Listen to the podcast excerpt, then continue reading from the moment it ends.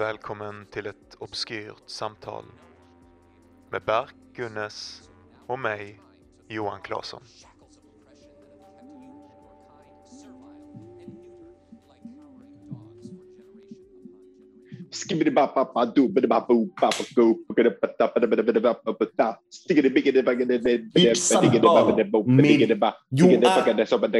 Claesson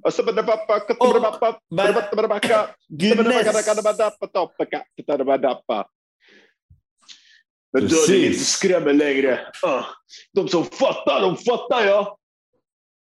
Du, jag kommer ihåg när vi var i din stuga några månader sedan i somras eller vad det var och du hade sån perfekt röst. Som någon sån Ja, känd jag, jag, rappare. jag, jag, jag kan göra den igen, men jag orkar inte göra den just nu. Den är... Inte jag? Okej. okej. Jag är lite synd. Jag jag har fått stor, stor respekt av vår gangsterkrets. Ja. Oh my god. Jaha. Så är vi här igen med en jävla internetinspelning en gång till som låter som Vet bajs. du, jag pratade, jag tyckte vi hade en riktigt, riktigt bra inspelning, så pratade jag med en polare som hade lyssnat. Eh, och så sa han till mig, eh, han sa till mig, han bara förra veckan så så jävla bra. Jag bara, jag har du hört den här veckan? Så? För jag tyckte faktiskt det blev skitbra. Vi pratade om asintressanta grejer. Han bara, ah fan, alltså fan eran dynamik funkar verkligen inte online. Nej, är det sant? Så jag blev, jag blev, jag blev så skad vid knäna, du vet. Oh my god. Är det sant? Vi Ja, kanske så låter det- lite stela. Vi kanske låter lite stela, lite så distanserade. Jag tycker det känns som att vi har det fucking trevligt. Jag också. Jag tyckte det var ett skittrevligt samtal. Det var flummigt, Ja. lagom flummigt, lagom intressant. Vet du vad, jag skiter i lyssnarna. Det är det också. Jag, jag, är Jag haft lite- respekt för någon. inte. Nej, alltså det jag håller med dig. Jag har aldrig haft någon respekt för folk som, som bryr, mig, bryr sig om vad jag gör ändå. Nej, smuts. verkligen inte. Vi borde ju lätt släppa en sån, eh, sån liten eh, behind the scenes-inspelning. Där vi verkligen snackar skit om alltså, alla människor. lyssnare. Ja. ja, det borde vi göra. Så En lista, alla vi vet som lyssnar. Och så bara pissa dem. Förolämpar dem. Ja, skit, skitkul för de som inte är en del av vår intima vänskapskrets som lyssnar. Att det sån här bara en lång lista på personal insults. Alltså när, vi, när vi väl har gjort en, en sån här betald, vad heter den eh, jävla grejen? Du vet när folk subscribar typ två dollar per månad och grej. Ja, Då ska vi lätt göra en sån. Ja. Ja, ja, ja. Då ska de betala för att vi ska förolämpa dem Ja, på ja det ska de fan. Ja. Vilken, eh, vilken visionär du är som eh, att min podcast roastar lyssnare. Jag har en sån känsla på du vet, vad framtidens eh, entertainment egentligen ska bli. Så det är helt galet.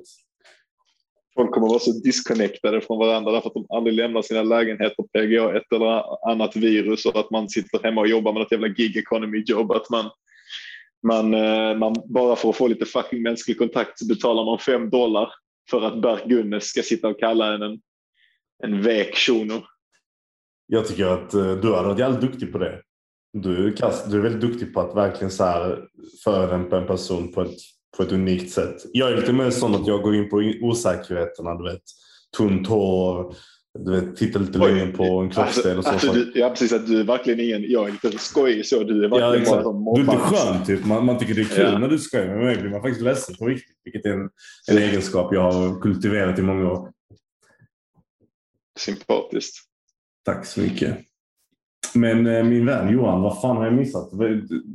Senaste kommunikationen vi haft så skriver du till mig att du håller på att flippa ut med ditt skrivande. Jag får sådana bilder, sådana visioner av mig att du sitter och gråter varje kväll och inte riktigt får igång din, din text. Men sen känner jag det tillräckligt bra för att veta att det aldrig är så som man tror det är. Jag jobbar Så varje dag. Jag jobbar massa timmar varje dag. Kolla han sitter ja. och Att du, att du text. jobbar, nej, att du jobbar är det ingen som ifrågasätter. Men att du krisar är vad jag, är vad jag försöker få Ja.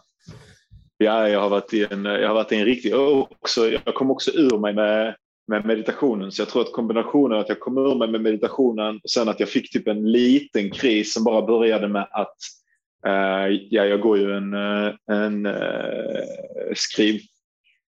skrivutbildning liksom, där, man, där man läser varandras texter och ger respons och sådär. Och så Mm. bara kändes det som att eh, Alltså jag lägger ner så mycket ansträngning och så mycket jobb och som att det inte når någon. Och typ, alla de som är i min grupp de har liksom lite annan litteratursmak än mig så det kan vara det också. Men det var ändå... eh, Mhm.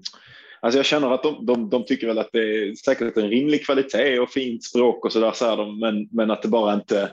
De sakerna som är viktiga för mig, som jag är stolt över, Mhm. Känns det inte som att folk, annat än någon, liksom, får syn på eller är intresserade av. Eh, alltså Ja, ja. det, är inte deras, det är inte deras smak. Liksom. Och sen så bara då får jag känsla också att, att jag helt har misslyckats med att kommunicera det. Eh, och ja, det var även typ så här hur jag vill bli läst eller problem med texten som jag ehm, du vet, det är inte ens de problemen jag tänker att jag jobbar med men som kommer upp i läsarupplevelser. Eh, det, det, det är sådana saker som jag inte kan se, typ. Um, alltså surrealistiska grejer. Alltså min text har någon slags surrealistisk ton. Du vet, den ut, det utspelar sig inte i, eh, i världen så som den är för oss eller ens i en fantasyvärld. Alltså, den har inte ett, jag har pratat med flera stycken människor om detta nu. och Det här har också jag med mitt tema som jag tänkte prata om idag. Men, ehm, så mycket av skrivande bygger på, eller så mycket av historieberättande och att ett historieberättande fungerar och speciellt Mhm. att ett absurt eller mer modernistiskt eller postmodernistiskt historieberättande fungerar bygger på att du lyckas etablera ett kontrakt med Ja, läsaren där Precis. läsaren kan förstå ehm, vilken typ av värld den rör sig i, vad den Ja, kan exakt. förvänta sig av den världen och därför Exakt. sen inte behöver oroa sig för det och kan ägna sig åt vad det nu är texten försöker göra. Men eh, hur, säga- hur, ja, förlåt. förlåt. Man kan säga att det, en, det, man kan säga att det, har att göra med att lägga en bas för en, en simulering, alltså en, någon slags utrymme för läsaren att lära sig eller Mm. att navigera sig som man sen leder läsaren igenom. Istället för att Mm. läsaren bara är förvirrad över allting som kommer över den och inte kan hitta det här utrymmet.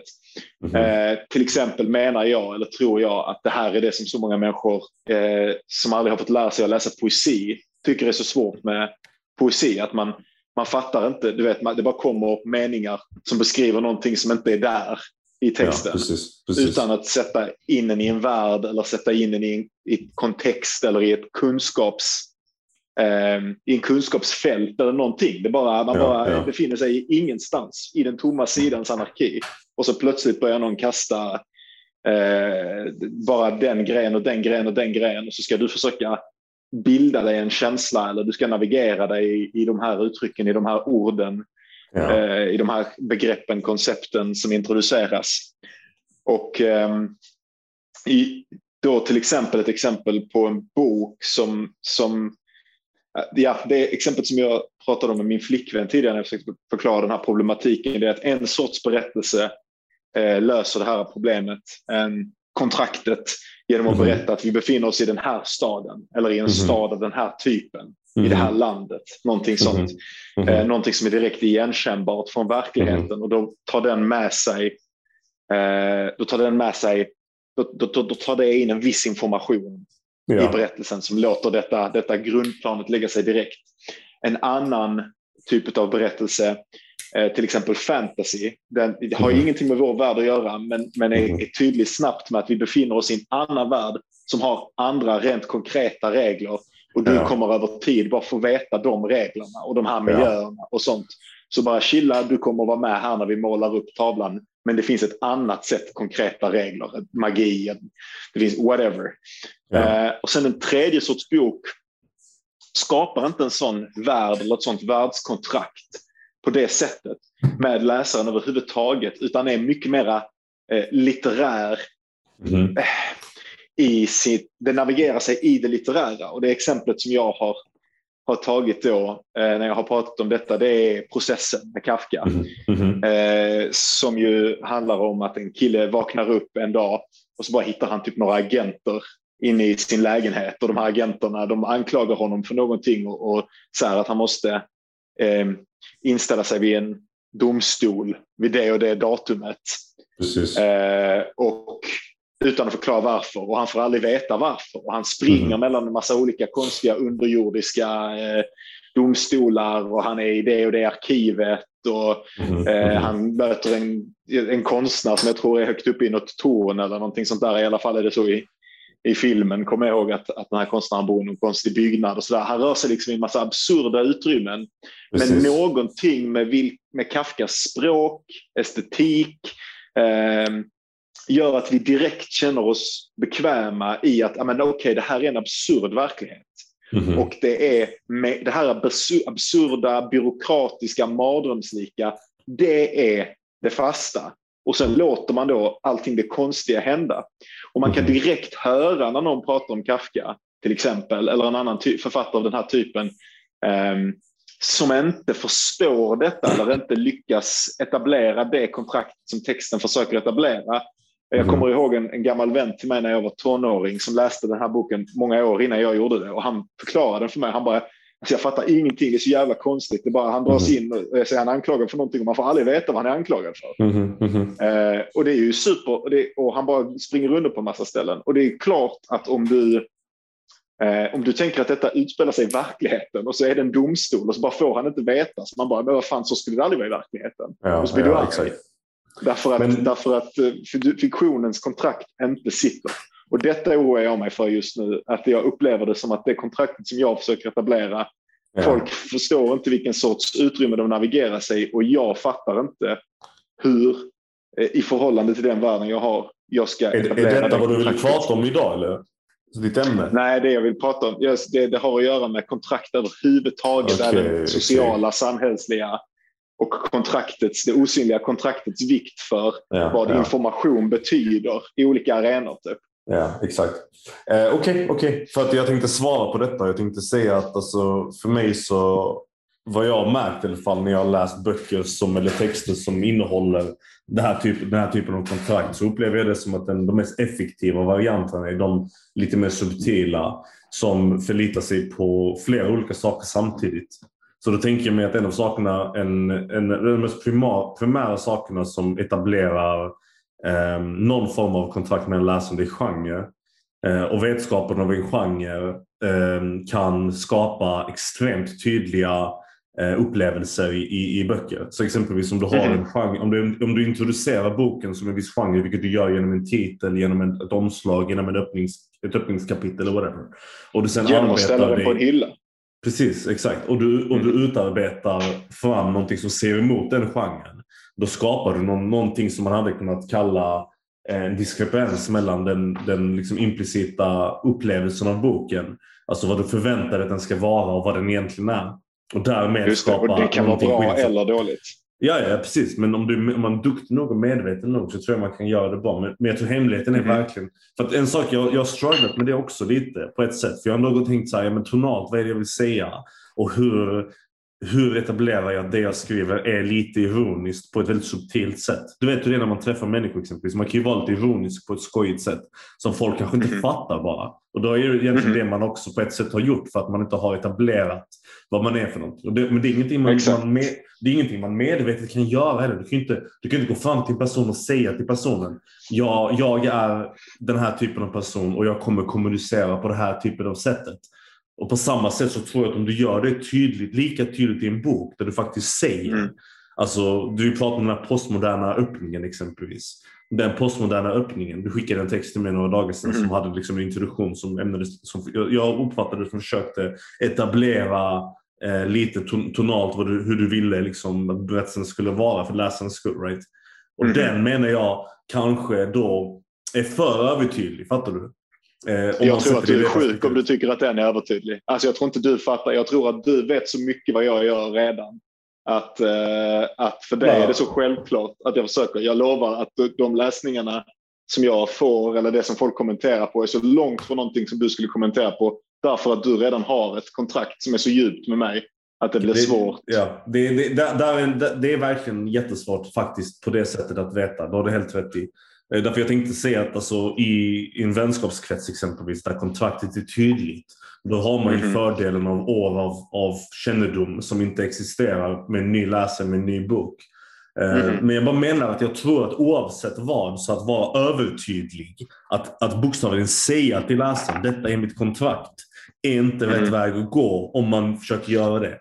Att det rätta och det, det, det lättare, det som mer optimalt i mina ögon borde vara en approach som förlitar sig på att folk kommer öppna din bok med vetskapen att titeln, liksom innehållet i sig så småningom kommer leda till någon slags förståelse av vad Mm. du egentligen försöker säga. Det vill säga att Mhm. man borde kanske mer lita på processen. Föreställer Mhm. jag mig i alla fall. Än, än vara orolig för att den inte ska uppfattas korrekt. Liksom. Ja. Kanske det är en sån sak också. Där det är så här, boken är inte färdig. Hur kan du förvänta dig, I guess, att den skulle kunna förmedla totalt det, ty det typen av berättande som du försöker berätta? Det kanske kommer Mm. senare Johan. Alltså, jag vet inte. Jag vet inte. Men alltså jag har ju inte skrivit ut det. Du får, om, jag, om jag visar den gräns som jag har skickat till dig. Om du, Ja. alltså, det står ju ingenstans i det. Det enda det gör är ju att ta in ehm, skrivandet som ett, ett grundtema. Liksom. Så till Mm. exempel att det makar sense att det poetiska språket existerar. Alltså för den första delen har väldigt poetiskt språk till exempel. Mm. Som, som vissa då hakar upp sig på eller att det är trögt eller någonting. Men för mig så är det Mm. ju en poäng därför att den hoppar mellan stilar och sådana grejer. Och att det här bara är som en första liten godisbit att bara etablera att det här är ett, eh, Men ett, är- ett äventyr genom olika litterära fantasier. Jag, det, ja, jag tror, jag gillar det som fan, alltså denna början. Så jag tror Ja, inte ja. att, eh, så för mig så, så känns det som att jag verkligen har kommit på hur jag vill att det ska vara. Ja. Eh, Men, Nej, alltså, jag, men jag, jag, jag pratar inte om kvaliteten av texten överhuvudtaget. Jag pratar bara om, om i allmänhet idén av att introducera ett, ett, eh, ett koncept eller ett sätt att skriva på i miniatyrformat. Att det övertydligheten jag snackar om är inte bara övertydlighet. Alltså jag säger inte att den du skrev var övertydlig heller. Jag bara säger att en övertydlighet i allmänhet, oavsett om du säger det rakt av eller om du liksom exemplifierar stilen med små, Mm. eh, med små liksom, eh, exempeltexter i princip. Vad det är vad det blir. Du typ så här, visar att det är någon slags hopp mellan olika stilar och sådana saker. Även det kan vara en övertydlighet som, som kan kännas alldeles för så här. Jag säger inte att den gör det, again, jag bara säger teoretiskt generellt liksom. Att Mhm. det kanske finns någonting i att till, tillita på processen mer än att försöka säga rakt av att det här är vad jag försöker göra. Om det nu är så att problemet verkligen är att folk inte fattar vad du, vad, vad, den, här, den här stilen du försöker komma till. Liksom. I don't know. Mhm. I don't know. Eh, det är intressant som fan att diskutera i alla fall. Ehm, jag tror, jag vet fan inte. Hur ska, hur ska man veta då som en vän till det om du lyckas med det eller inte? Det, är- det är fan det svåraste ju. Ja, men alltså som, som enskild läsare så kan man ju inte göra det utan jag tänker att en sån stor insikt, vi pratade om detta idag som avslutning på den kursen jag har haft, att en sån stor insikt som jag har haft är att eh, eh, egentligen så är det i alla fall så tillvida man vill vara en sån författare som, som, som utgår från betaläsare. Det finns ju typ författare, jag vet, vet jag, som, som till exempel eh, Stephen King som typ bara använder sin fru och sin editor. Mhm. Eh, Men han, det är inte så jättemycket som kan gå fel i en Stephen King-roman. Liksom. Mhm. Eh, alltså hans bitar, hans världar, hans sätt att skriva på. Allting är ganska, det följer ganska mycket en form. Precis, precis. Eh, och sådär. Så att eh, här, eh, jag tror att jag har insett att, att, att, att jag vill jobba med mm, större grupper Mhm. utav, utav betaläsare. Och det här är, I guess, i alla fall just nu bara en... eh, Det, det, nu som en, en början så är detta... Nu dog min, nu håller min, eh, jag ska bara stänga av här, min iPhone håller på att avkoppla och påkoppla och då hör jag att eh, headsetet dör. Vänta. Så. Ehm, så, så att jag antar att, att jag bara ska ha det som en praxis. Men, men, men alltså sen förväntar inte jag mig att du ska lösa det åt mig heller. Därför att, Nej, det- jag, försöker inte lösa det. Jag försöker bara prata med dig om, om, om Ja. eh, den diskreta lösningen kontra den, vad jag hade kallat eh, tydliga lösningen. Och, och, och, du, Ja. och den lösningen, och, och jag säger det bara liksom från min egen erfarenhet. Jag vet att du inte gillar när jag jämför med min egen upplevelse av skrivning, men jag tror ändå det är applicable på vissa sätt. Eh, Mhm. Jag har också krisat igenom liknande kriser som du har krisat igenom och du har krisat igenom saker jag har inte krisat igenom än. Och så runt och runt går det liksom. Men en av kriserna jag väldigt tydligt har känt är inte exakt samma som den du beskriver men den som liknar där jag har tänkt ja men det är inte, det är inte uppenbart kanske tonalt vad jag vill göra. Så jag har försökt exemplifiera det i början av, en, av ett kapitel. Jag har försökt göra det tydligt på ett sätt där det inte, jag inte bara säger det här är obviously inte säga även om jag gjort det också. Du vet när man har gått så meta att man introducerar text, alltså textförfattaren själv in i texten. Det har jag gjort också på ett sätt att försöka lösa detta på. Men jag har insett kanske lite senare att för mig så i alla fall lösningen varit att lita på innehållet och lita på att den, den ton, tonen jag introducerar mig själv med det jag introducerar berättelsen med kommer så småningom förhoppningsvis bygga upp den tilliten till läsarna att de fattar vad Berg försöker göra och vad Johan Mhm. försöker göra eller whatever. Liksom. Och jag tror Mhm. inte man kommer till den fasen kanske förrän läs, eh, boken är sammansatt helt och hållet. Och då Mhm. kanske det blir uppenbart vad som fattas och vad som inte fattas. Mhm. Men jag, jag vet faktiskt inte. Alltså, du vet, det, jag ska tänka på det ifall jag läser din text. Det är faktiskt en intressant sak. Man kanske kan distansera sig själv medvetet på ett sätt och försöka läsa en text med en viss avstånd. Försöka se om det skapar en, en typ av, eh, eh, ja, whatever du vill kalla det. Men okej, eh, fan vad bullt det blir kanske för lyssnarna. Lyssna på vår hypotetiska situation här. Det är inte så hypotetiskt. Vi är, ju ändå, vi är ju ändå skrivande. Jag tänker att det får väl eh, vara en av intressesfärerna som vi rör i den här podcasten. Ja, ja det stämmer. Det stämmer. Hur har din, eh, så, så i alla fall den här krisen, min kris har varit relaterad till skrivandet som vanligt. Ja. Annars är det rätt så bra. Och sen då till att jag då inte har mediterat, vilket har gjort att det har liksom satt igång en, en längre kedja av, eller en sån allmän, skrivandet är alltid eh, relaterat till Mm, Eh, mm. Att bli äldre, att dö, att inte bli förverkligad etc. Eh, så, eh, och, det där blir, blir för varenda dag, om jag missar, jag tror jag missade tre eller fyra dagar, varenda dag jag inte mediterar så blir allting, allting det där bara whoosh, kommer åkande tillbaka. Aldrig lika starkt som det var för, för länge sedan, men ändå ja, ja, jag hör det.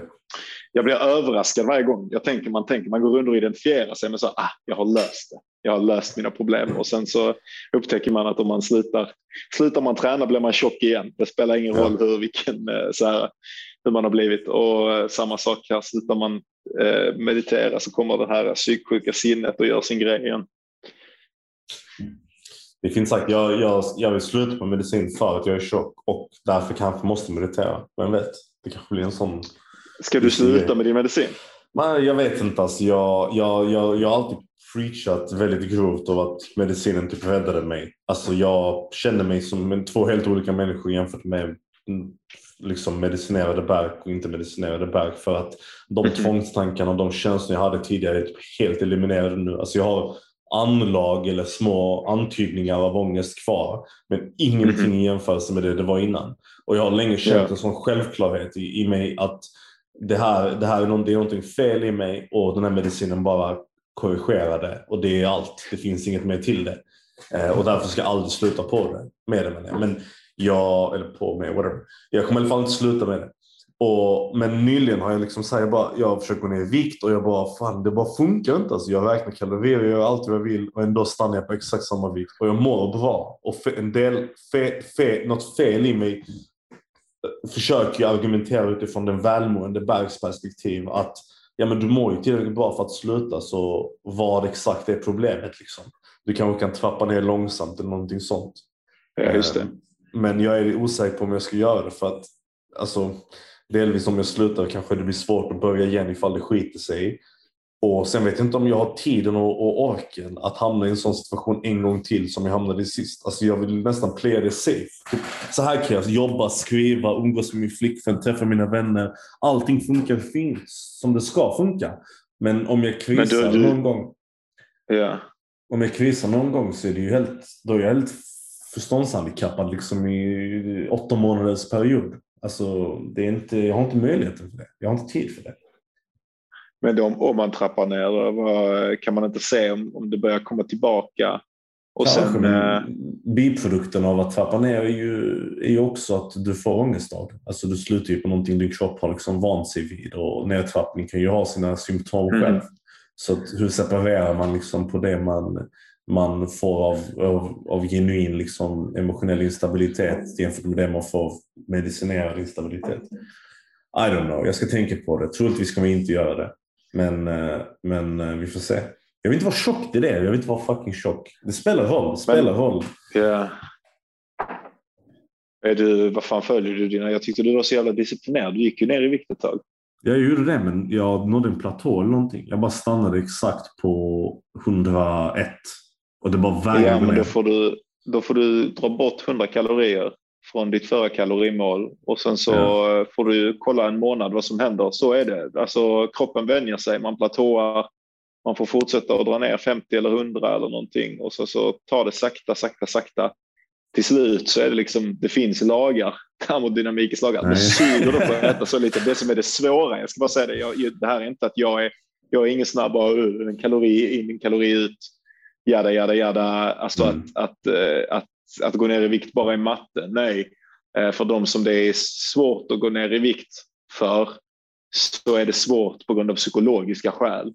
Mm. För mig är det svårt på grund av psykologiska skäl när jag kämpar. Mm. Att eh, så länge jag äter, så länge jag har något i munnen, så länge jag känner smak, det är som ett självskadebeteende, så känner jag inget annat. Mm. Ehm, och, eh, och även om det inte är det, alltså för mig är det så uppenbart självskadebeteende eftersom jag äter saker som jag inte tycker om och sånt där. Men, men även för, eh, för dig då, liksom, där det bara är ehm, Alltså där det bara är kanske därför att det är chill, Mm. nice. Det är Mm. gött att ta en Mm. pizza ibland. Det är gött att käka lite godis eller dricka en bira med polarna ibland eller någonting. Men det är ju ändå ehm, det, det, det är ju ändå ett eh, alltså det som gör det svårt att hålla sig borta från det. Det kan också ha liksom olika vikt. Att det kan vara svårt, alltså det kan vara psykologiskt jobbigt att hålla sig borta från det chilla. Alltså Eller det, att, det, att komma... det, det konstiga är att det finns någon slags eh, föreställning i mig. Och jag har sådana här små föreställningar om olika saker som jag tror alla har, men som har tagit så lång tid att identifiera att till slut så bara känns det helt banalt. Och det är också väldigt svårt att åter, och liksom övertyga folk om att, att de faktiskt finns. Ett sådant exempel är typ så här, jag har fått för mig att om jag inte äter så kommer jag inte tycka om känslan att vara hungrig. Typ. Alltså det är som att den här känslan att vara hungrig, jag är rädd för den.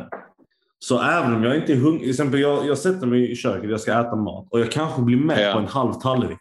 Men istället äter jag en hel tallrik eller två för att Ja. jag senare kommer vara hungrig. Just det. Och, och obviously, det är ju bara dumt. Alltså. Det, det, det är Ja. självklart då att jag bara kommer ta större och större portioner än jag borde egentligen göra. Men, men det är så starkt, Mm. det här psykologiska eh, det, det, antagandet att, att jag, jag för någon anledning ogillar det obekväma, vilket inte är så farligt som var lite hungrig. Fan bryr sig? Alltså, du vet, det är inte Men så jag att gör tänker, det, ja, det är detta som jag, det, jag tänker att det är detta som jag försökte säga men som jag inte riktigt lyckades komma åt. Att det kan, man, det, vad ska man säga, det kan ha olika känslomässig vikt att vara rädd för det obekväma eller någonting. mm. Alltså man kan vara det obekväma som är precis bortom något litet. Alltså det obekväma som är precis bortom att inte äta kan verka som en liten grej fram till man börjar komma upp på dess rand. Alltså när man börjar komma upp mot dess gräns och när man faktiskt börjar närma sig det obekväma så kan det finnas någonting som man är riktigt rädd i som kommer fram där annat än eh, alltså det uppenbara. Så att det Mm. kanske inte är så, alltså du är inte rädd för att vara hungrig. Du är rädd för att vara obekväm. Och Ja, varför är du precis. det? Vad kommer upp med det obekväma? Ja, man kanske måste fundera på det för att verkligen komma till, till kärnan av problemet. Alltså för att verkligen bli bekväm med att inte behöva Jag äta. tror det. Ja. Jag gjorde så här nu för ett tag sedan. Det, det, nu har det inte riktigt materialiserat så jag har fuckat lite igen. Men jag, jag är på väg. Jag sköter mig igen. Jag, var nere på en bra, en hyggligt bra vikt och sen så gick jag upp igen därför att jag eh, var hemma hos mina föräldrar ganska mycket och så åt jag rätt Mm, mycket mm. och sen så fortsatte jag, var det min födelsedag och allting det där. Så liksom under en period så åt jag ganska mycket stora middagar. Jag träffade mina föräldrar och jag träffade min flickväns föräldrar och det var liksom middag efter middag efter middag. Mm, mm. Eh, och så nu så försöker jag återhämta mig från det. Men ett sätt som jag gjorde, men det här bygger ju återigen då kanske lite på att man har en, en ganska stark mindfulness-bas. Men en sak som jag gjorde innan jag eh, det här, är inte, det här är nog inte mina hälsotips till någon. Allting sånt här, det här var bara vad jag gjorde. Jag Ja. provade eh, vissa dagar att fasta och så bara försökte jag känna efter hur mycket jag tänkte på mat och vad det var jag var rädd för i Mhm. Alltså den här mat och, och ibland, alltså mot kvällen så är det liksom som, alltså jag bara, jag har, jag har bestämt mig för detta, jag ska fasta idag. Jag har bestämt Mm. mig. Men varenda gång så kommer det upp sådana starka, starka, starka känslor och, och hela min psyke tas över. Jag bara, nej, men det går faktiskt inte. Jag skiter i det. Jag, går, vad, vad, vad, och, och så är jag helt säker på att jag ska gå och köpa en korv typ. Och sen kommer Ja, jag på mig ja. själv och jag bara, men vad fan det enda jag har sagt, det, det viktigaste idag är att jag ska fasta. Och 15 gånger på dagen har jag bestämt mig för att sluta min fastande. Och sen så är det liksom nästan som att Och det, jag, det är intressant. en- Jag, en- ja. Ja, förlåt, jag säger. Nej, alltså jag, jag, jag har en liknande grej där jag typ så här kan beställa. Alltså det, här, är- det här är jätteintressant. Jag kan, jag kan stå i mitt kök eller sitta i vardagsrummet och kolla på tv eller vara ute och gå. Och så tänker jag för mig själv. Jag kommer inom loppet av 15 minuter gå ner till butiken och köpa en Snickers. Jag tänker det här. Så jag tänker mig det. nej, nej, jag ska inte göra det. Det är ingen chans i universum att jag ska göra tänker jag. Och så går det några minuter och så tar, och så tar jag på mina skor och så tar jag på mig jackan och sticker. Nej, nej, nej. Jag kan inte göra det. Och så går jag bara ner och köper den och så äter jag den. Det är helt sinnessjukt. Ja. Jag vet om att jag inte ska. Jag, jag, jag vill Ja, ja. inte göra det. Men min hjärna liksom bestämde det för 15 minuter sedan. Jag hörde tanken och så gjorde jag det. Så exakt Så så här är jag också. Jag kan säga att jag varit skitduktig och så plötsligt så bara får jag in tanken att jag bara jag ska, jag ska gå och köpa alltså, svinmycket godis tänkte jag då, inte en Snickers. Jag ska köpa svinmycket godis. Och jag bara, nej men jag har ju räknat kalorier i fyra dagar. Om jag äter allt det godis så kommer jag förstöra hela arbetet. ju. Och så vet jag det. Och sen så, det är Eh, sak. så Jag har där? med mina skor. Var är mitt skohorn? Jag tar fram mitt skohorn, trampar i skorna, det tar skitlång tid. På med jackan, ja, matlig takt över till Willys, in på hyllorna. Jag vet exakt vilken hylla. Den godisen, den godisen. Hela tiden jag bara wow, det här kommer att förstöra fyra dagars arbete. Jag har gått och varit obekväm i onödan. Tar jag det. Det är lite Det är som liksom att man inte- teleporterar typ. Man bara så här är plötsligt vid, vid pizzerian utan att man har fucking fattat det. Och så bara har man på Fast det är, autopilot nästan, gjort är det ens det att jag tänker till och med att det vi säger nu är något ännu sjukare, vilket är att man är helt medveten om i varenda Okej, ja, långsam okej. sekund Ja, ja, ja, ja, ja, ja, ja, ja, ja, ja, ja. Men jag man menar bara liksom här, man... nej, det här går inte. Men det är som att man har en starkare sig själv inne. Man har en sig själv som, som, nästan, som inte har någon känslomässig vikt. För man känner ingen känslomässig vikt över, man känner ingen ångest över att man ska gå och köpa Snickersen. Man bara känner så här, nej jag kommer inte göra det. Men, men sen finns det en annan person som bara så här, helt självsäkert nästan strapatsar mot Ja. Snickersen. Och, bara, och, och, och, och, och ens överjag, eller vad fan det nu är, ens, ens, eh, alltså ens aktiva jag, Ja. en, står nästan bredvid och tittar på och bara, händer detta verkligen? Alltså lite förundrad. Jag känner mig ofta lite förundrad. Jag bara, ja, jag köper verkligen detta godiset nu. Jag gör samma sak, typ jag, jag, jag går och väger mig exempelvis. Och så tänker jag Ja. helvete vad mycket jag väger. Och sen går jag iväg och så bara öppnar jag kylskåpet och tar något att äta när jag är långt över min kalorigräns för dagen.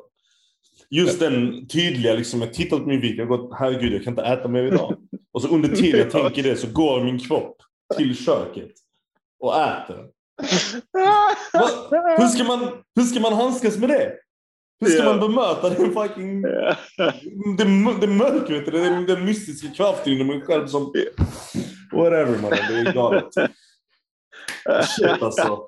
Det är så man kommer fan, jag vet inte alltså. Det, man måste ha djup, djup eh, självförståelse för att, eh, för att lyckas med vissa väldigt banala saker känns det som. Och det verkar som att vissa människor har eh, ett närmare utrymme mellan viljestyrkan och vad kroppen gör. Mm. Alltså typ så här att vissa människor, folk speciellt, jag tror att det är en av de största, alltså sådana grejer som man borde kunna testa efter. Det är hur nära det är, men det här borde man kunna testa, det finns säkert tester för det. Hur nära man är, hur, hur lätt det är för människor att vilja göra någonting och sen att faktiskt sätta det i action. Det måste gå att göra en kvot av det i mänskligheten, precis som jag vet att du inte tror på det, men precis som IQ, liksom, att man kan, göra, man kan testa Det kan mot vissa säkerligen. grejer. Det kan man säkerligen. Ja. Men nu när jag tänker på det, tror du inte Johan att typ så här, har du inte också haft samma sak fast den, den, den motsatta? Exempelvis att du verkligen inte vill skriva. Du verkligen pallar inte, du orkar inte, du är trött. Men din kropp gör det ändå. Typ jag har haft den när jag typ så här skulle skriva exempel min kandidatuppsats för massa år sedan. Och jag, och jag gjorde den på en vecka. Och jag grät. Alltså min kropp var, alltså jag var helt fucked. Jag bara, antingen så gör jag den här kandidatuppsatsen den här veckan. Eller så skjuter jag den till nästa termin och så fuckar jag typ massa saker för mig själv. Så jag bara typ satte mig i köket hemma och så bara ko- kopp med kaffe, flera koppar kaffe, lite whisky och bara typ satt från sju på morgonen till fyra på kvällen. Alltså jag kommer ihåg att jag, min Mm. kropp, alltså jag hade ont i armbågarna. Och min kropp bara såhär, nej men jag, nu går jag och lägger mig. Nu går jag och lägger mig. Och så Men jag tänkte allt, jag så. Och så gjorde jag det ändå. Liksom, fattar du? Alltså min kropp bara fortsatte. är trots att lättare med leverage. jag tänker att om man, har, om man lyckas skapa tillräckligt mycket psykologiskt leverage. Aha, det, var, det var eh, viktigt för mig på grund av diverse anledningar. Alltså för du vet, du har, du har det på ett väldigt konkret sätt radat upp vad bestraffningen... Jag tror att det är svårt. Det är svårare att på ett psykologiskt sätt... Eh, jag tror, en del av min hjärna tror inte på kalorier. Eh, alltså den, den, tror inte att det kan göra någon skillnad om jag äter den här chokladen, för det känns så jävla lite och snabbt i munnen att det kan, det kan inte göra någon skillnad. Ja. Och sen finns det en annan del av min hjärna som bara obviously, det är det enda som kan göra skillnad. men alltså, det, det, det, det är där energienheterna är. Liksom. Ja. Men, men andra delen min hjärna bara, nej, nej, nej, nej. helt omöjligt. Alltså, ska den här, du ser, min kropp, hur stor min kropp är hur liten den här chokladen är. Inte en enda jävla liten skillnad kan det göra. eh, och, alltså, så att jag tänker att, att det är så upp, och det är samma sak med folk, varför folk har svårt att göra jobba för sig själv och göra grejer ja. dagligen till exempel.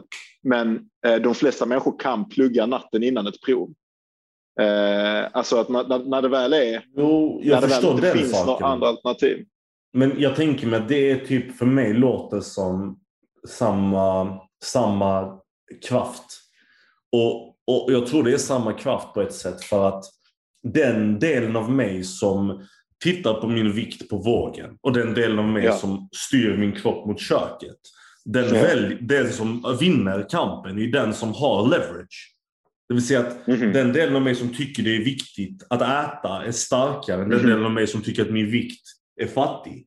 Så därför gör jag det. Liksom, jag, jag ser inte att obviously mänskligt beteende är inte bara en enkel ekvation. Men på något vänster så, så, så är det orimligt att det inte skulle vara så att min kropp bara gör det den tycker är viktigt. Och om jag känner -hmm. det efter mig själv, vad jag till exempel är för typ av människa, så har jag märkt efter en massa situationer som dessa att jag gillar bekvämlighet mm. väldigt mycket. Mm. För mig är bekvämlighet en, en, en stor faktor i mitt beteende. Det vill säga att mm. om jag får välja mellan att vara obekväm socialt i ett umgänge med massa människor eller sitta hemma och chilla med min flickvän eller skriva eller kolla på film eller någonting så kommer jag välja det ena före det andra om jag inte har stor leverage åt det andra hållet. Men det är lättare att knuffa mig åt hållet där jag kan slappna av. Det vill säga att jag kan äta någonting gott det vill säga att jag kan eh, göra någonting jag tycker är avslappnande eller beneficial för min bekvämlighet än att knuffas åt andra hållet. Och därför, mm. därför så, jag tror det, det, vill sant, det vill säga att när jag satt med liksom, eh, kandidatuppsatsen så var jag på något sätt leveragead obviously att trots min obekvämlighet arbeta på den här fattiga uppsatsen som... Ja, för du vill inte vara obekväm i hela det här nästa året eller du vill inte behöva deala med ja, det? Ja, jag tänkte inte det då, men säkerligen exakt. Jag ville inte hamna i en situation där jag skulle vara back i liksom en utbildning bara för att jag inte pallade göra det på en vecka när jag typ mm. innerst inne visste att jag hade kapaciteten att göra det. Så därför gjorde jag det. Och jag tänker att, att skrivandet är typ så ibland att jag bara säger men mm, det är starkare i mig att sitta kvar i bibblan och typ pumpa ut mina texten trots att jag är skithungrig. Och för att det är lite ja. ballt att göra det också. Och massa andra faktorer som spelar in. En det är att lyssna på min kropp som säger snälla mannen, bara gå hem, ät någonting, kolla på TV eller whatever. Så leverage... Tror du man kan... Förlåt, säg. Tror du att man kan utnyttja... Tror du man kan berätta en viss sorts berättelse för sig själv eller positionera verkligheten på ett visst sätt så att man får tillgång till den leverage-kraften. Och alltså, gör du det ibland? Fan vad bra fråga. Alltså, det, det, det är definitivt någonting jag tror och hoppas skulle kunna vara sant. Men jag kämpar med att förstå mm. hur man skulle kunna göra det. Ibland så kan man ju fuska sig till skrivande genom att liksom eh, öppna ett anteckningsprogram och bara bajsa ut sin text som har mm. ingenting med någonting att göra. Så man kommer in i the flow. Liksom. På ett sätt kanske påminner sin kropp om att det finns någonting där som man gillar att göra i skrivandet istället för att bara sitta och mm. skriva på ett tomt ark. Liksom. Så på, kanske på det sättet kan man göra det. Eller om man kanske, ibland kan man ju vara leveragead att, att hålla sig smal genom att typ titta sig själv i spegeln och bara shit, fan vad min kropp ser helt smal ut. Så att plötsligt är den snickersen där borta inte lika attraktiv typ för att man har någon slags eh, vetskap. Det där är så jävla orättvist. Det är så orättvist att, att tjockhet kan aldrig göra... Alltså så här, det är väldigt sällan som jag blir motiverad till att äta mindre när jag tycker att jag Aha. känner mig tjock. Eh, alltså nej, att- nej, nej, nej, då vill man äta Att den mer. negativa reinforcementen är sämre. Då vill man äta mer för att tycka synd om sig själv. Ja, ja, ja. ja. Eh, Eller för bara medans- fuck it, jag är medans- här. Typ. Jag är Ja, här. ja i fuck it, jag är den här. Exakt, exakt. Det är, det är en sån fuck it-känsla. Men medans när man, när man väl börjar känna att man, Ja, ja. att, man, att man ser bra ut, man börjar se definition på sina muskler och sådana grejer, då blir det plötsligt så jävla mycket lättare att skita i. ja, eh, exakt. exakt. Alltså, så det, det är en sån positiv feedback loop. Typ. Ja, ja. Nu kommer min tjej in här i köket och öppnar en Marabou. Fan alltså. Vad hela tiden. Neffi fucking... Och han hör, hon hör inte det Johan. Han, Nej, han det är svär och jävla tur på det. fula saker som det. Han är skitförbannad. Vi snackar om viktnedgång. Stick härifrån. Det lät som, det lät som att jag snackade om henne i Viktig och jag bara, Neffi måste fucking banta. Alltså. Ja, men det var mitt tema jag ville prata om idag. i alla fall, min flickvän- gud. Ska, vi, ska vi gå in på ämnet kanske? Vad säger du? Uh, mitt ämne eller? Ditt, mitt, det spelar ingen roll. Vilket du vill. Ja, det kan vi, det kan vi göra bror. Det kan vi göra bror. En Vilket är du sugen på? paus. Eh, vi kan ta en officiell paus. Perfekt. Jag tänker inte pausa den här gången. eh, eh, Du kör alltid igen. Det Jag verkar kör alltid. Det funka. var, ja, precis. Jag ska bara svara på några jobbrelaterade saker. Jobb. Innan. Ja, jo, men jag är intresserad av det här av att prata om, eh, om kontrakt. Mhm. Eh, och då är jag liksom särskilt intresserad av eh, och, och, och, för att vara tydligare innan det kanske var tydligt hur kontrakt existerade. Vad det är för, för, det för slags kontrakt jag menar. Det var tydligt hur eh, ett kontrakt existerade mellan författaren och läsaren utifrån så som vi diskuterade det tidigare. Men jag är egentligen bara jag är intresserad av alla sorters kontrakt som, Mm. eh, som eh, vad ska man säga, som påverkar hur information läses. Så Okej, till exempel eh, ett, en typ av ett sådant kontrakt som jag, jag tänkte på tidigare. Det är till exempel vad man får lov vad man får lov att säga till exempel i en vänskapskrets. Mhm. Vilket språk som kan vara okej och vilka sociala koder Mhm. som understödjer ett visst sorts beteende Mhm. eh, och dess korrelation med en viss moralisk kompass jämfört med samma individer i det publika rummet till Mm. exempel och vad man får säga där och huruvida det finns någon skillnad. Till exempel en intressant fråga tycker jag är ehm, eh, det finns två inställningar till det offentliga rummet. Ehm, och det här, eh, vad ska man säga, det här samhällskontraktet som specifikt här rör det talade. Mhm. Eh, och då tänker jag på det talade eh, i förhållande till vad som är offensiv eller inte i just den här, det- i just det här fallet som jag ska ta upp nu. Mhm. Eh, till exempel, eh, vi har ju ganska grov jargong i våran vänskapskrets liksom, Mhm. och säger saker i vänskapskretsen eh, som jag inte tycker att man får lov att säga i det Mhm. publika rummet. Nej, Men som jag tycker är okej att säga i min vänskapskrets på premissen att jag vet att alla vet att det är helt sjukt.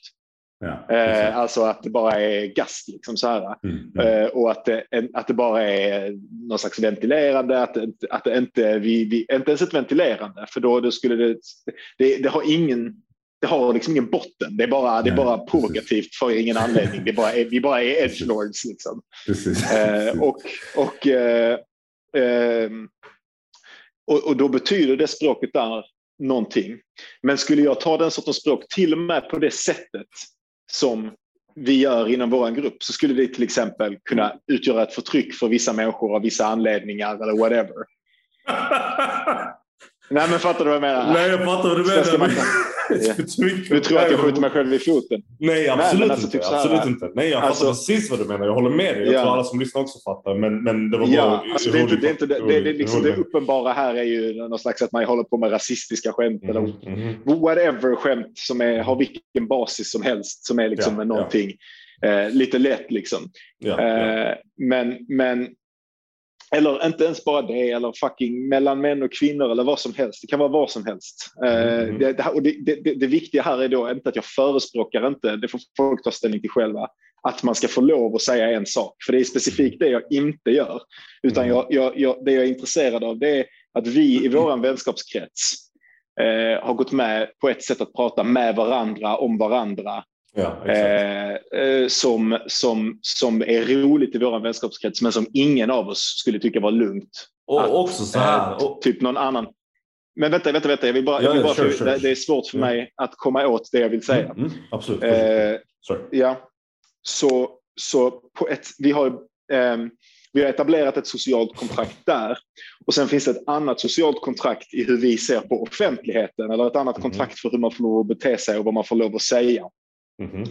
Och eh, Det här tänker jag mig skiljer eh, sig på hur de flesta högerdebattörer ser på det offentliga kontraktet där de i princip tycker att, eh, att man får lov att eh, att det, det, offentliga eh, kontraktet är egentligen att husera alla, alla kontrakt, alla personliga och privata kontrakt. Alla, all, att, att, att man får lov att säga allting ja. ut i det offentliga rummet. Liksom. Och att kontraktet är, att, att den här provokationen eller whatever, att den har på något sätt samma frihet eller samma mm. rörelseutrymme eller någonting som den har inom min vänskapskrets. Liksom, som ett Aha. sätt att bara säga vad som helst. Ja, ja. Eh, så, så det är ett exempel på hur jag tänker på, fan det här kanske var är det här för, är det här för edge? Nej, nej är det för spicy och för otydligt? Nej, inte, nej, det är inte uh, alls. Jag tror alla vet vad du pratar om. Det är väl, alla har okay. väl en, en jargong. Det är jargongen ja, du pratar precis. om, ett sätt att prata med folk om saker. Mm, exakt, men så det som jag är intresserad av är hur man bestämmer sådana kontrakt och hur man förhandlar okay. fram sådana kontrakt och hur okay. man möts, hur man hittar, som du sa innan, när man kommer till en fest och man är, är väldigt hård mot folk direkt. Ja. Hur, hur lång tid eller vad är det som krävs för att mm. de människorna ska förstå det sociala kontraktet mm. utav vad det är man egentligen gör, vilket kanske är en kärlekshandling. Mm. Alltså en viss typ av person kanske är väldigt hård och nedlåtande mot människor som en kärlekshandling till exempel. Och, vad är det som placerar på det kontraktet? Och lägg märke till att alla är inte kapabla till att förstå kontraktet heller. Det krävs en viss vetskap att kontrakt existerar mm. för att det ska funka. Mm. Därför det finns vissa människor som, som och jag säger inte att det är en, en dålig sak, att det kan vara funktionsnedsättning, alltså literally liksom autism där det är jättesvårt att förstå sociala eh, regler mellan människor inklusive kontraktet, men också bara en ovetskap konstigt nog av vanliga människor, människor som är psykonormativa som som, eh, som bara inte uppfattar kontraktet. Och så att jag tror det viktigaste först är att veta att det finns att ett kontrakt, kontrakt existerar. Right? Och att när man vet att kontrakt existerar så måste man också förstå att kommunikation mellan två parter är inte bara det som sägs, utan det är också det som inte sägs. Och då vill jag väl säga innan, mm -hmm. att eh, exempel när vi är exempel på din 30-årsfest så umgås vi i badtunnan och vi alla bara babblar och kastar ut oss det ena avskyvärda efter det andra. Ja. Ja, tonen är vidrig liksom. Och, och, ja. och, det, och sakerna vi säger, hade de liksom spelats in eller någon hade hört det så hade de tänkt, ja. om de inte var medvetna om kontraktet, tänkte de här killarna är, är nazister och de är de sjukaste sakerna ja. i världen. Liksom. Men, men vad, som, vad, som, vad som är tydligt och man måste förstå det är att kontraktet, vad det är för någonting. Det är en självklarhet att som du själv sa, så existerar inte de här sakerna hos oss och de är, vi avskyr dem och vi tycker de är vidriga. Och vi kommunicerar vår vidrighet eller vår avsky till dem genom att prata om dem på det här sättet. Det är en implicit förstå, äh, implicit grej att det är kul för att det är avskyvärt. Det är, det är ett fult gemensamt konstverk. Precis, det är precis. en gemensam skräckfilm typ, eller exakt, en, någon slags konstig satir som vi konstruerar tillsammans. Exakt, och, och, och det som alla vet att det är bajsiga saker vi säger så, så, så säger ja. vi egentligen fina saker. Det, det är så konstigt att, att säga det så här rakt av, men vad det blir är så här, jag, jag hör inte. Om, om, du, om du hypotetiskt hade sagt jag gillar inte turkar, jag är turk då. Jag hade inte uppfattat ja, det. har jag ju sagt flera gånger. Ja, ja, det, det står ju tatuerat på din rygg. Liksom. Och, och, det, och det, jag är inte... Det var en turkisk flagga med stort X. Men jag, jag är inte... Eh, jag tar inte illa upp på något sätt för jag vet 100% att det inte är sant. Och, och, jag kan inte ta illa upp. Jag kan bara höra vad det nu inte är för någonting du säger. Vilket är, mm obviously inte att du älskar turken nödvändigtvis, men att det är bara en sån intet-fråga för dig att det inte ens existerar i din verklighet. Så jag tror i alla fall att du måste veta att kommunikation är de här sakerna, de implicita sakerna, de osagda sakerna. Och du måste veta att, att, den kommunikationen kan ske i de här kontrakten du pratar om. Vet du det så kan du ha ögonen öppna för andra människors kontrakt. Du kan se att mm. den här personen pratar så här och har den här jargongen på den här festen för att de försöker förmedla samma typ av mm. sak som du försöker förmedla med din text du beskriver i början av, av, av avsnittet. Eh, och kanske de har inte kommit dit än, men jag har, kan ha öppna ögon och försöka förstå mig på det kontraktet. Och sen om du trots det men, efter en tid inte fattar så tror jag att det kanske inte är ett kontrakt. Men jag tror ja, det är så jag, jag tror också det. Ja, jag tror också det. Jag tänker att det som är, eller det som är hjälpsamt med den sortens kontrakttänk, det är också att inse att om kontraktet inte finns där, mm. eh, och, eller om kontraktet är någonting annat, så kan jag inte bete mig utanför det här kontraktets gränser. Jag bör inte göra det därför att mm. då, det, det, är inte andra människors ansvar att teckna på mitt kontrakt. Det gör de mm. frivilligt. Mm. Liksom. Mm. Precis. Eh, så, och det är det så, du kommer in med exempel, de här högergrejerna eller? Ja exakt, att det finns liksom en mm. sorts, det finns en sorts människor, alltså det, det, finns en sån grej som jag verkligen ogillar. Vilket liksom är sant på någon slags laglig basis och som många ogillar numera. Eh, men som är liksom den här, um, vad heter han? Är det, om det, är det Hitchens? Det är kanske inte Hitchens. Vad heter han brittiska? Är det, är det Hitchens? Du vet han brittiska debattören som, som bland annat sa att kvinnor inte kunde vara roliga. Så jag tror att han också har sagt att eh, eh, alltså, eller, de gör varianter av det här av ett gammalt argument som låter fint på ytan. Typ. Vilket är att, historikern, eh, är det inte? Jag tänker mm. kanske fel. Jag kommer, Hitchens, ja. Christopher, jag vet inte. Eh, jag vet hur han ser ut. Men eh, han jag är på är någon slags lite typ liberal debattör slash komiker slash ja, ja, ja. journalist eller whatever. Men de gör, han, han går mycket för en linje som är populär mm. på eh, på lätt högerkant skulle jag säga och även långt ute. Men skitsamma, det är, det är också dumt att, att blanda ihop de här för mycket. Men som mm. är eh, som jag, inte, jag ser den inte som fientlig, men jag håller inte med om den, vilket är att eh, bara för att man har, alltså typ, så, så, så, bara för att man har rätt att säga allting eller någonting så bör man göra det. Alltså det, eh, att det faktumet att folk är offended blir mm. offended, då kan de, de, de, inte de, de, att, att, det är inte din rätt att bli offended eller något sånt där. Ja, du, du, kan bli offended men jag behöver inte anpassa mig till det eller någonting. Och alltså, rent lagligt så har de ju rätt. De behöver inte mm. anpassa sig men folk kan ju fortfarande tycka att de är en jävla pajas och en idiot. Och det de gör då det är att de säger att med mitt kontrakt det är att jag får säga vad jag vill. Och det kontraktet, det ska jag projicera på det allmänna kontraktet och tycker mig ha rätt att göra det och tycker att andra människor bör anpassa och inte bli arga på mig. Men, Därför att jag har sagt att detta ja. är kontraktet som gäller i det offentliga rummet också.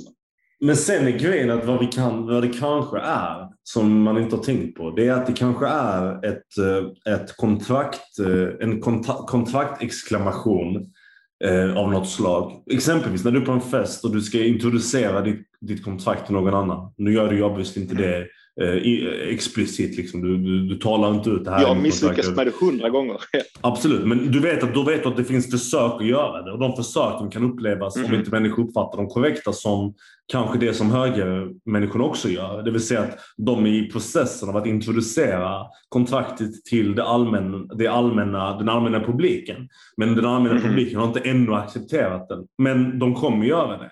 Bevisligen gör de ju också det högerextrema åsikter eller högeråsikter i allmänhet som en gång i tiden ansågs vara kontroversiella eller ansågs vara lite, lite fula har ju sakta blivit någonting som är mer och mer accepterat till den nivån där jag tror att mm, mm, en stor del av det här en gång i tiden eh, fula kontraktet har blivit eh, anammat av, av, av människorna runt omkring. Så, så jag tror det mm. kanske är det som händer. Det kanske inte är en, en, en, en ballsy move från typ Hanif Balis sida där han bara säger jag skiter i, jag, jag ska jag ska eh, slänga mitt kontrakt i ansiktet på alla människor runt omkring mig och jag skiter i deras... Men nej, det är bara att han försöker liksom introducera sin variant av kontraktet och så hoppas han att inom ett par år så kommer folk höra vad han säger och sen tänker jag det var inte så farligt ens då innan. Och så spelar det inte så stor roll. Just det. För provokationen har ju ibland, alltså på något sätt så har ju provokation, eller alltid, kanske det provokationen delvis gör, att den spräcker, den flyttar sakta positioner. Ja, ja, ja, eh, så till exempel, eh, alltså, länge så fanns det en vänsterprovokation eller en progressiv eh, provokation, speciellt i den västerländska världen, men kanske i världen i allmänhet. Man kan ju mest kommentera, jag kan ju mest om västerländsk eh, historia för att det är samhället jag lever i. Liksom. Men att, att, att eh, liksom, eh, sexualitet, fri sexualitet, ett visst språkbruk som är mer rakt, mer svordomar, mm. mindre mindre kutym på vissa sätt eh, har ju länge varit, eller var ju länge, nu har det ju lite ändrats, men var ju mm. länge eh, en viss sorts vänster eller vänsterorienterad right of, eller left of center rörelse som har gjort mm. det, som har flyttat fram positionerna eh, för vad man, vad man får lov att säga och göra och hur konst, vad man kan, hur man kan uttrycka sig i konst och det kan vara liksom även inom eh, sådana sfärer som liksom att heavy metal-band får ha lättklädda tjejer i, i läder underkläder liksom på scenen. Precis, precis. Eh, det är också en konsekvens av att, att positionerna har flyttats fram, att, att provokation har skett kontinuerligt. Och på samma sätt så har det ju hänt inom, alltså så här verkligen med, med memes och grejer från högerkant de senaste 10, 15, eller 10 åren kanske, kanske mindre till och med. 7-10 åren. Eh, att saker som kändes väldigt mycket mer döda för tio år sedan eller som, som, som, som kändes mer absurda, typ mm. judefrågan eller någonting, har ju mm. blivit återintroducerade in i ganska mycket allmän diskurs via mm. memes. Liksom. Mm. Ja, det är intressant att du ehm. nämner det. Det är, det är jätteintressant att du nämner det. Därför att en sak jag tänkte på innan du pratade om det var, det var min uppfattning av exempelvis 4chan när jag var liten. Jag måste bara säga snabbt där som ja, fan då, att jag ja. tror inte på att på någon, alltså det, det jag sa precis är inte att jag tror på, eh, på eh, inom situationstecken judefrågan som en konspirationsteori eller tycker att det är en fråga som man ska diskutera eller behandla. Nej, men fattar, det finns det från nazistiskt håll och det har mimats in i det offentliga rummet. Jag vet Exakt. att du fattar, men jag vill tydlig, tydlig okay, så att inte någon eh, okay. tror att det är en, att det är en quote unquote fråga som jag tror på eller bryr mig om. Nej, nej, nej. Ingen, ja, det är bra. Det är bra. men, men, nej, men så, ta 4chan som ett exempel. För massa, för massa år sedan så kunde, hängde jag på 4chan på, på, på liksom B eller på det där random-forumet eller på X eller något sånt. Och så läste man lite så här edgiga, eh, kontroversiella takes som jag uppfattade då. Jag kommer väldigt tydligt ihåg detta som, som eh, nästan lite exakt det som händer i det här Eh, i, det här, i den här vänskapskretsen vi pratade om tidigare. Det var nästan som att det fanns ett implicit, en implicit kontrakt om att de här sakerna ja, som pratades om var på skoj och inte var på skoj mm. som i vi tycker dem egentligen men vi skojar om utan literally det här är inte våra faktiska åsikter men vi kommer mima om mm. det för att det är kontroversiellt och för att folk blir triggade av det. Eh, och då ledde det till att det eskalerade och det, och det blev så här, alltså det fanns ju massa memes som var väldigt, väldigt så här ifråg, alltså moraliskt tvivelaktiga liksom, men som, som mm -hmm. by, all, by all merits jag kunde bedöma när jag var liten var ironiska. Rakt av. Mm -hmm. liksom. Men sen senare så här, nu på sistone så har man ju hört så här, nyhets eh, nyhetsgrejer uh, ta upp 4 som ett exempel på en, en, uh, en breeding ground för högerextremitet. Ja, verkligen. Och, och jag var först typ såhär, jag bara, men, men det var ju bara ironiskt väl? Alltså, har jag ja. missuppfattat kontraktet eller? Och jag tror men det har ju förändrats. Ja, det är det jag tror har hänt. För jag tror att faktiskt, det här kanske det, det är värt att nämna då, the, dangers av en sån här typ av, av kontraktuell 100%. Sam, samma grej. Att vad som hände på Fortune tror jag var, jag tror det verkligen började så. Och sen tror jag att de här mimiga eh, kommunikationerna eh, liksom öppnades yeah. upp så mycket för offentligheten. Att faktiska högerextrema människor liksom började komma in i, den, i det kontraktet. Och började flytta positionerna. Ja, precis. De yeah. förstod inte kanske, eller så accepterade de inte, eller så hade de sina egna antaganden och kontrakt över hur det skulle vara. Det är lite som att du och jag sitter på din 30-årsfest och skojar och, och, och snackar. Och sen kommer det en ny kille och, en, och han har med sig en massa kompisar som också mimar och har kul med oss lite. Och sen efter en tid mm. så kommer några andra och de mimar, de har tänkt med från första början. Så sakta successivt så är vi alla där och pratar om, om, om Hitlers storhet. Liksom. Jag, menar, jag säger inte att det kommer ja. hända med de som var där från början. Men om vi sen lämnar ja. och de killarna är kvar så kanske det är det samtalet där i slutet. I slutet. Ja. Det är ju verkligen en sån grej som händer också med, med specifikt med extrema, eh, men kanske allra tydligast med högerextrema som man pratar om ibland i vissa det är att de tar över kontraktet. Eller att, och sättet de gör det på, det är egentligen, de skojar extremt som alla andra, men de placerar in tillräckligt mycket obehag. De, de, de placerar in subtilt obehagliga och obehagliga grejer, vilket antingen flyttar, mikroflyttar och mikroompositionerar de mm. människorna som, som är, är möjliga att mikroompositionera.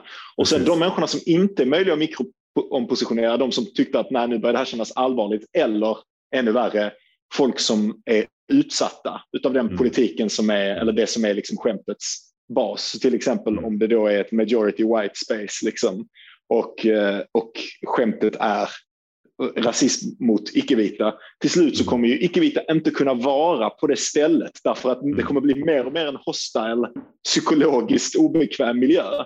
Så de kommer lämna och det här kommer bara bli liksom mer och mer, det har också en feedback loop då, mer och mer koncentrerat, eh, faktiskt radikal miljö. Så det ja. finns ju en sån, jag har, jag har hört det från flera håll och läst på flera ställen som verkar jävligt klokt, vilket är att, att um, man måste på något sätt moderata till och med sådana här väldiga free speech spaces. Mm. Uh, jag tror att nya free speech, speech spaces gör detta för, för de vill ju generellt sett tror jag um, de vill ju egentligen komma åt den här liberalhögern eller de som är på den sidan och låta dem uttrycka sig och folk som är kanske mm. lätt invandringskritiska och sånt. Mm. Men de vill ju också inte ha in folk som, alltså som bara vill sprida liksom galen antisemitism eller överhuvudtaget någon slags xenofobisk, alltså väldigt extrem, därför att de kommer att göra att ingen annan till slut kan vara kvar på mm. plattformen. Därför det blir mm. bara mer och mer och mer hostile tills de har tagit över allting. Därför att deras åsikter är så psykologiskt uttröttande för alla andra. Mm, mm. Nej, jag håller med. Jag håller med. Det, det låter som en, en, en rimlighet. Och åtminstone var, det är kanske där fördelen med att vara medveten om kontraktets existens också kommer in i bilden. Att veta, vilket man inte kan kväva från en större krets av människor att göra. Vilket. Därför måste ansvaret ligga hos moderatorerna som faktiskt är medvetna om hur saker och ting kan liksom förflytta sig utan bara av naturliga krafter liksom, från, från någonting till någonting helt annat. Eh, väldigt diskret. Liksom. Jag tror det är det som är sekt. Jag tror det är faktiskt det, samma krafter som ligger bakom sekter, religiösa rörelser, masspsykoser för helvete. Alltså alla typer av, av, av mänskligt konstigt kollektivt mänskligt beteende är bara den typen av kontraktuell förändring som är bara så långsamt mm. har lett till, till någonting helt absurt. Just det. Liksom. det här får man göra, det här är det som är, är kutym, det här är det som är socialt, sexuellt, Precis. andligt, Precis. whatever, okej okay, eller Precis. önskvärt. Och så man flyttar de positionerna, omförhandlar kontrakten i all mm. osynlighet. Liksom. Mm. Eh, så till slut och, så kan man befinna sig på ett förvånande ställe. Precis, och det är inte så konstigt att föreställa sig. Ja. Säg, säg. Jag ska bara säga snabbt om man, om man, får, mm. om man får göra en koppling till litteraturen.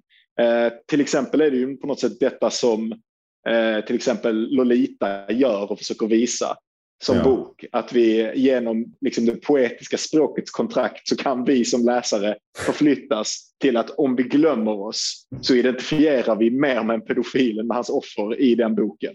Ja, ja. ja, ja. Alltså man glömmer, man glömmer, man blir lurad av att han är så charmig. Det är ja. det som är liksom den bokens storhet. Men, det är man inte är vaksam på de här omförhandlingarna. Men där kan man ju fråga sig också en fråga. Hur har Nabokov, är det Nabokov som skrivit det? det var? Ja, det är Nabokov. Ja, förlåt. Jag, bland, jag vill inte blanda upp dem med Massa Margarita. Eh, men eh, hur har Nabokov... Fan, vänta, vad är jag dum i huvudet just nu? Det är Nabokov eh, på Lolita Bulgakov på Mästaren ja, Margarita. Tack. Jag ville bara dubbelkolla så jag inte... Sånt. Ja. ja, det är en av mina favoritböcker också, så det var jävligt pinsamt. Men, eh, nej, men hur har han introducerat oavsett eh, ett sånt kontrakt till läsaren? Är det, är det ja. någonting som han faktiskt gör tydligt i berättelsen? Eller liksom är det bara i poesins eh, liksom det fina skrift, han skriver väldigt vackert i den boken, är det det som är liksom introduktionen av, av, av den typen av, av kontrakt mellan läsare och, och, inte? Jag kommer ihåg i alla fall när jag läste den för första gången, jag vet inte om det är så i alla utgåvor, att han hade den här fake-professorn i början som liksom har någon sån här kritik mot boken. Typ. Är det någonting du känner igen? Ja, han, professor som... Just det. Som, som hade liksom läst, om att det här är på riktigt. Ja. Precis, det var en sån moralisk, alltså förkastlig berättelse. Liksom. Där, det är ju, jag tror den agerar faktiskt som en, en väldigt bra introduktion till vad boken egentligen vill säga förutsatt att man förstår mm. att den här personen är Nabokov själv. För jag, fattar man det fattar man att författaren själv liksom under ett fingrat namn skriver en analys om sin egen text innan den har funnits. Han kritiserar den. Just det. Då skapar Just han en, en, en ironi liksom, som är, som är glasklar. en redan- redan- narrator, ja. Precis, inte bara, inte, bara Ja. en, inte bara det utan också liksom vetskapen att han har, den här, den här narratorn har kapaciteten och förmågan Just att det, vara att författaren och berättaren inte har samma vilja. Ja, precis. Det är ju en, det är faktiskt om man tänker på det en, väldigt, en smart lösning på hur man kan hantera kontraktintroduktionen till, till läsaren. Liksom. Och det är intressant för jag tänker då här att det finns någonting här angående det här med det är ett smart sätt att, att etablera ett kontrakt. Jag skulle nog säga att det kan kännas övertydligt om man har fått syn på det på samma sätt som mitt gör. Man, men ja. Eh, Så men, kanske man kan tycka. men, men, men eh, om han skulle säga typ så här, alltså ännu hårdare, jag kommer inte ihåg, det kanske är så här det är stipulerat, för jag skulle driva en ny tes. Att man kanske inte kan uttala kontraktet utan att det känns som tyranni.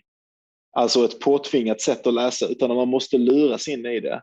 Jag tänker jag ofta tror. att, att folk, ja, så folk till exempel som inte, kolla här nu, nu säger jag inte att vi har, eh, eller ja, jag tycker klart jag tycker att vi har rätt politiskt, det är ju därför jag tror jag tror på, men så här, det här är, jag har sagt innan att det här inte ska vara en, eh, en, en vänsterpodd. Jag håller inte med en jävla massa mä- vänstermänniskor, särskilt inte amerikansk vänster och sådär. Men, men ehm, ehm, v- vad... eh,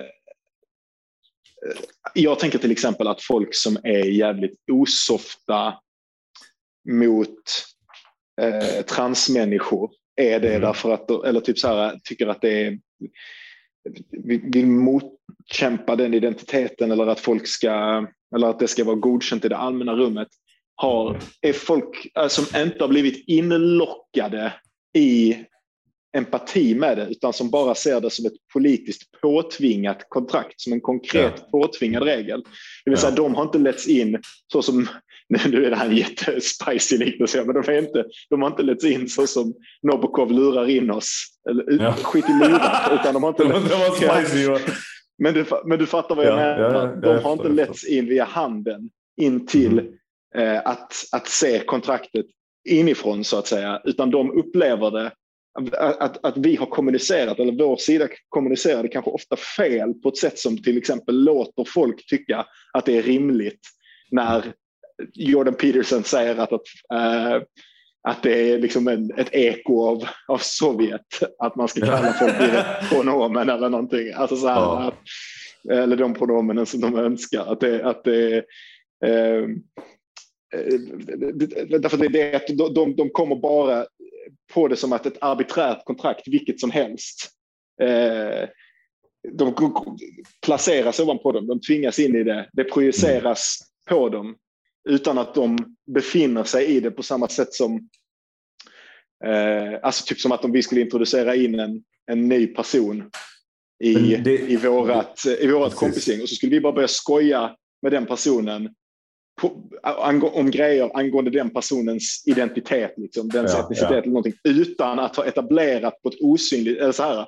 Och det är inte, Men det det, det- inte heller ja. fråga, man bara, är det okej att vi skojar om dig på det här Nej, sättet? nej, det är ju bara det- en sån sak som men- sakta förhandlas i tysthet. Det- är det jag försökte säga, att jag tror, det jag sa innan med, i början när jag, när jag gav ett exempel på hur, om du, att du skulle föreställa dig att du går till en fest och du säger till någon, min, mitt kontrakt är följande. Ja, just det. Att det är motsvarigheten av att introducera det för barskt i en text.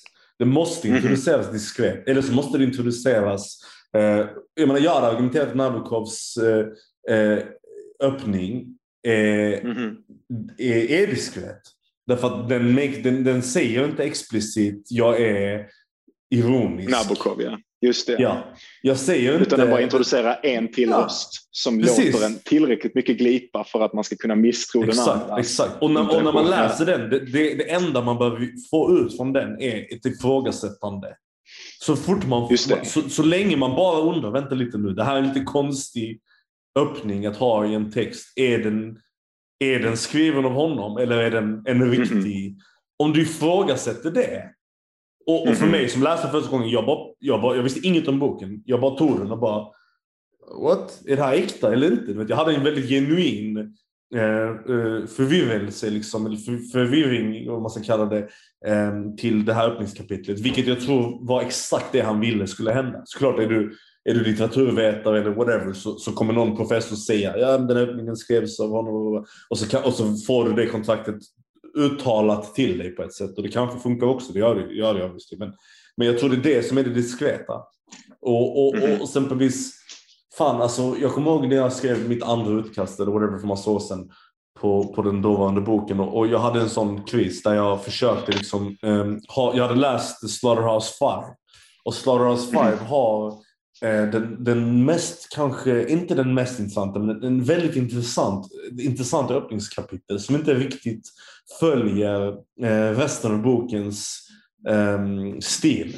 Den är, liksom, mm -hmm. den är nästan berättarrösten som typ så här introducerar så här, eh, koncept och idéer som kommer komma senare i boken. Och jag tyckte mm -hmm. det var skitsmart när jag läste det. Jag så, ja, exakt så här ska en bok börja. Den ska, den ska liksom teasa eh, om, om det som kommer komma senare. Om karaktärer kanske, om koncept, om idéer, om tids, tidlöshet och PTSD och, och trauma och liksom vår mm. uppfattning av verkligheten och de här rymdvarelserna. Allting sånt introducerar den väldigt lite så man liksom får det här intresset. Och sen så mm. vet jag tonalt vad boken vill säga. Och, eller hur mm. den vill se det snarare. Och sen så kommer jag in i liksom berättelsen så är det tillräckligt. Men i, efter en mm. tid av, efter många år av läsande sen dess så har jag liksom börjat testa den metoden lite. Jag tycker den är lite för obvious typ.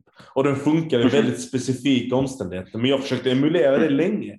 Där det var så här en introduktion av berättarrösten som liksom eh, kontextualiserade sin omgivning och tematiker och idéer som skulle komma senare genom att exemplifiera eh, komponenter av boken som jag senare skulle gå in djupare på. Nästan som en introducerande text till en essä. Liksom. Jag tror väldigt få berättelser eh, inte gör det. Ja, jag har svårt kanske. att tänka mig. Jag, jag tänker att det beror på hur hårt de är. Alltså, ja, det är såklart. Absolut. Ja. Men jag tänker att det finns ju någon sån regel att man ska ha behandlat bokens ämne inom de första fem sidorna. Såklart kan man göra vad man vill med alla regler. Men, eh, men tänk på de bästa böckerna men, du eh, läst. Då. Tycker ja, jag, jag skulle säga att de, jag skulle säga att de allihopa gör det på något sätt. Ja. Kan du ge ett exempel? Jag är nyfiken nu. Jag är Uh, ja, ta någon, uh, ta någon bok. Uh, ge mig någon bok typ som, som du vill veta hur jag tänker. Som, som jag gillar eller som, som för jag, Om, jag blankar lite. Mästaren Margarita då? Eller Tom Moby Dick Nej. eller någonting du har läst som du är väldigt kunnig om? Dagens historia? Eller? Ja men alltså Moby Dick är ju eh, liksom så här behandlar ju eh, delvis äventyret och typ så här, kampen mot verkligheten eller kampen mot naturen ja, ja. eller kampen mot, mot tristessen det, och livet på ytterkanterna eller något sånt där är ju, ett, är ju en av Moby Dicks många teman. Den håller sen på och raddar upp, den gör ju detta över, över den är ju en skitlång bok så den håller på att introducera sådana här teman genom, ja, innan de går på båten genom att de är på olika värdshus och sånt så så, så får man höra om olika karaktärer som, mm. som eh, representerar olika strömningar inuti boken. De introduceras mm. sen efter en ganska tidigt, men redan på första sidan så, så har de ju det här med den här eh, strävan eller eh, otillräckligheten i själen. Om du, har, mm. om du mm. kommer ihåg hur den börjar så börjar den liksom med att när jag börjar känna att eh, jag vill gå och slå av folks hattar på, mm. eh, på stan så fort jag ser dem därför att jag blir liksom helt eh, stissig då, då vet mm. jag att det är dags att gå till sjöss.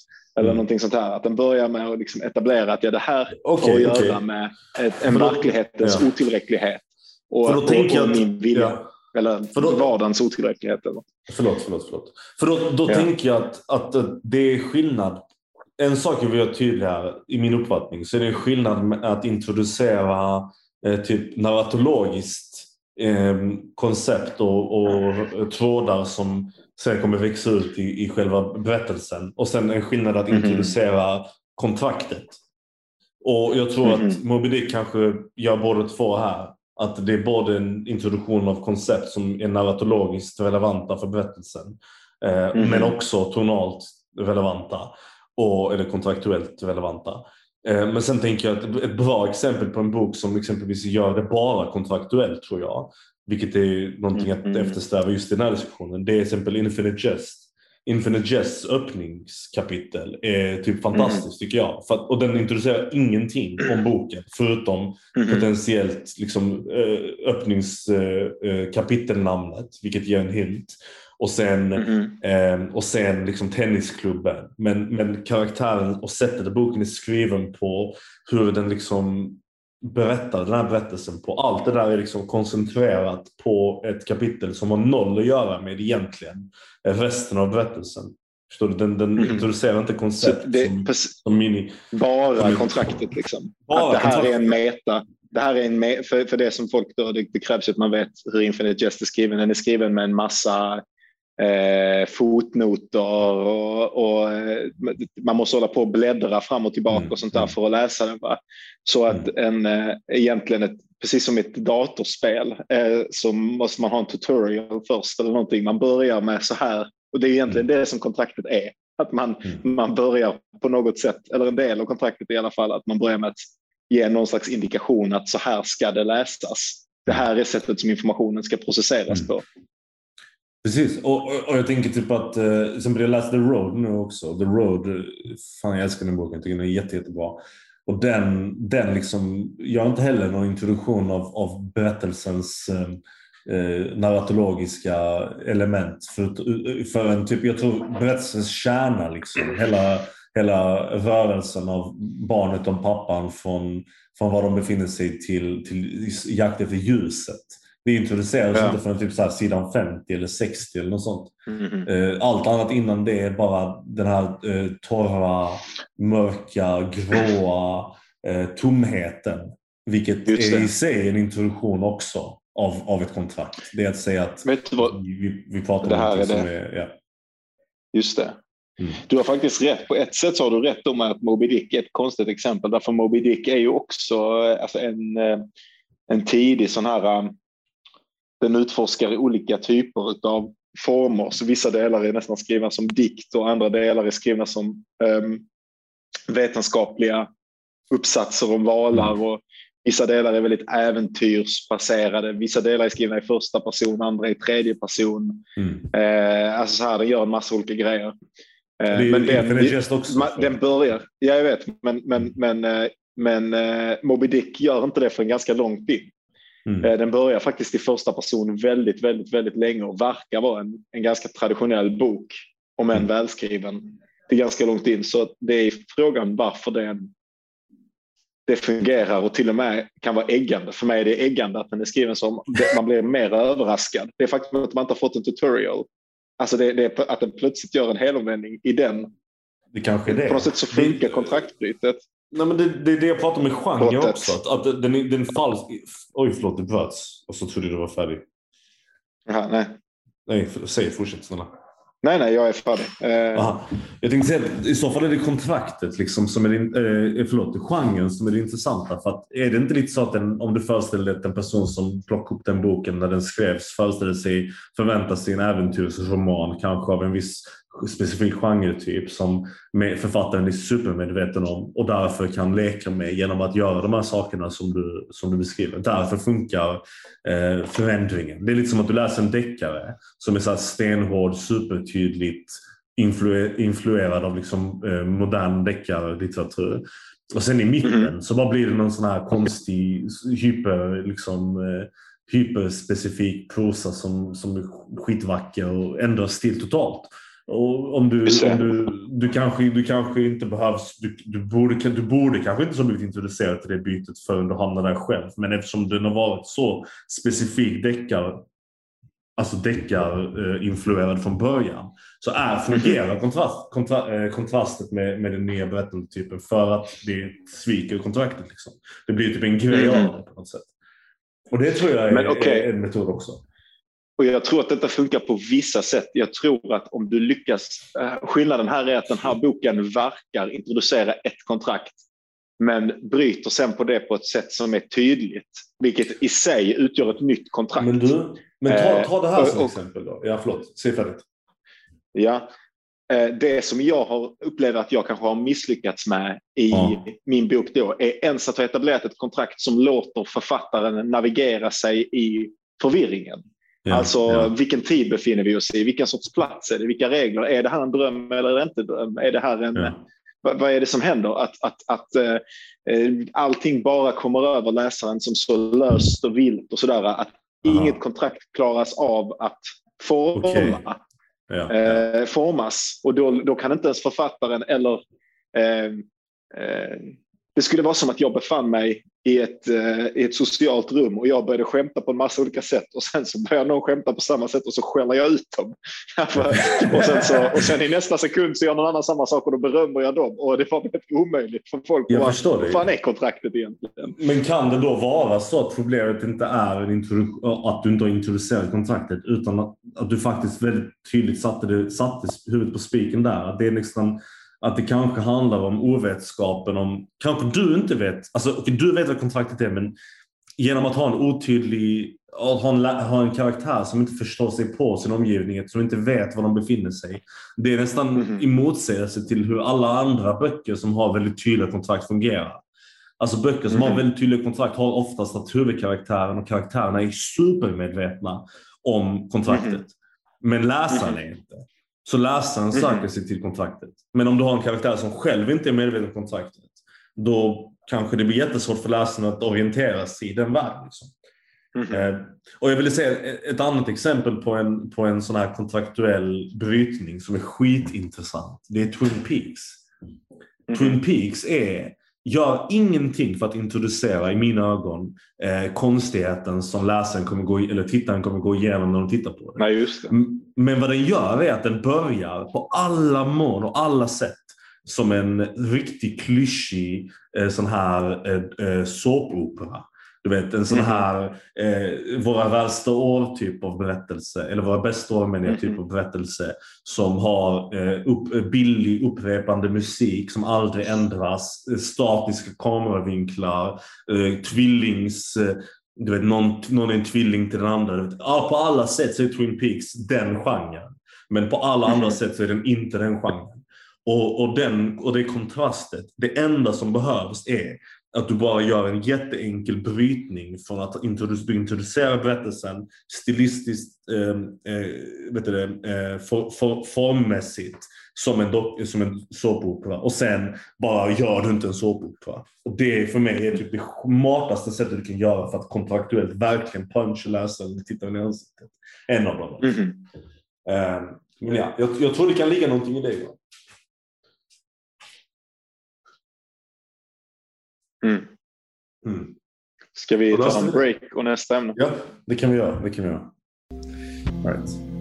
Det får bli en liten fake break här. Ja, eh, Johan var tvungen att sticka plötsligt för han hade styrelsemöte så vi får avbryta samtalet här. Eh, det, det var det. Tack för att ni lyssnade. Eh, jag är helt själv i det här samtalet just nu så det är lite konstig känsla men whatever. Tack för att ni lyssnade på Obskyrt samtal. Följ oss, dela våra grejer. Eh, fan, berätta för era vänner. Eh, du vet, allt det här ni vet. Skit, saker. That's it. Jag pratar med mig själv. Det är konstigt. Adjö.